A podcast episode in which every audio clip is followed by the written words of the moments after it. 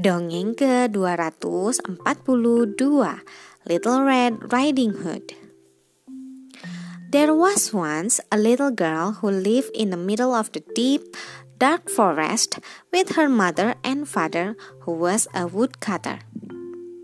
The little girl always wore a red cloak with a hood, and so she was called Little Red Riding Hood. One day, she decided to visit her granny, who lived some way from the woodcutter's cottage. She took a basket with a cake her mother had baked and set off. Now, the last thing her mother had said to Little Red Riding Hood was, Don't leave the path and don't talk to any strangers. But Little Red Riding Hood was not really listening. So, when she saw some bluebells growing under a tree, she left the path and began to pick a bunch for her granny. Slowly, slowly, she wandered farther away from the path, deeper into the trees. Suddenly, she was not alone. There, in front of her, stood a great big wolf. Now, Little Red Riding Hood had not met a wolf before, so she did not realize that wolves are not the kind of animals to be too friendly with. Good day, little girl, said the wolf with a snarly snort of a smile. What is your name, and where are you going? My name is Little Red Riding Hood. I'm going to visit my granny, and I am taking her a cake to eat, replied Little Red Riding Hood. The wolf was delighted, not only a little girl who to eat, but a granny and a cake as well.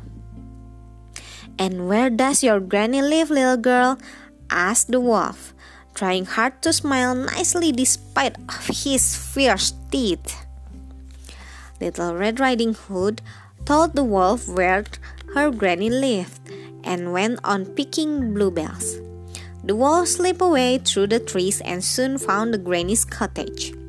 He tapped on the door and said in a disguised voice, Hello, Granny. It is Little Red Riding Hood. I have brought you a cake. Will you let me in? As soon as the door was open, the wolf bounded in and gobbled the granny all up. He put on her nightcap and shawl and climbed into her bed. Soon he heard Little Red Riding Hood coming, and he tried his snarly smile again. Hello, Granny, said Little Red Riding Hood.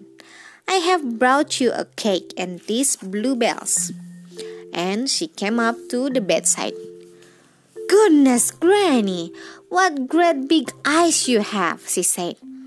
All the better to see you eat, growled the little wolf. Little Red Riding Hood could not help noticing the wolf's teeth. Goodness, Granny, what great big teeth you have! All the better to eat you with, snapped the wolf and gobbled up Little Red Riding Hood.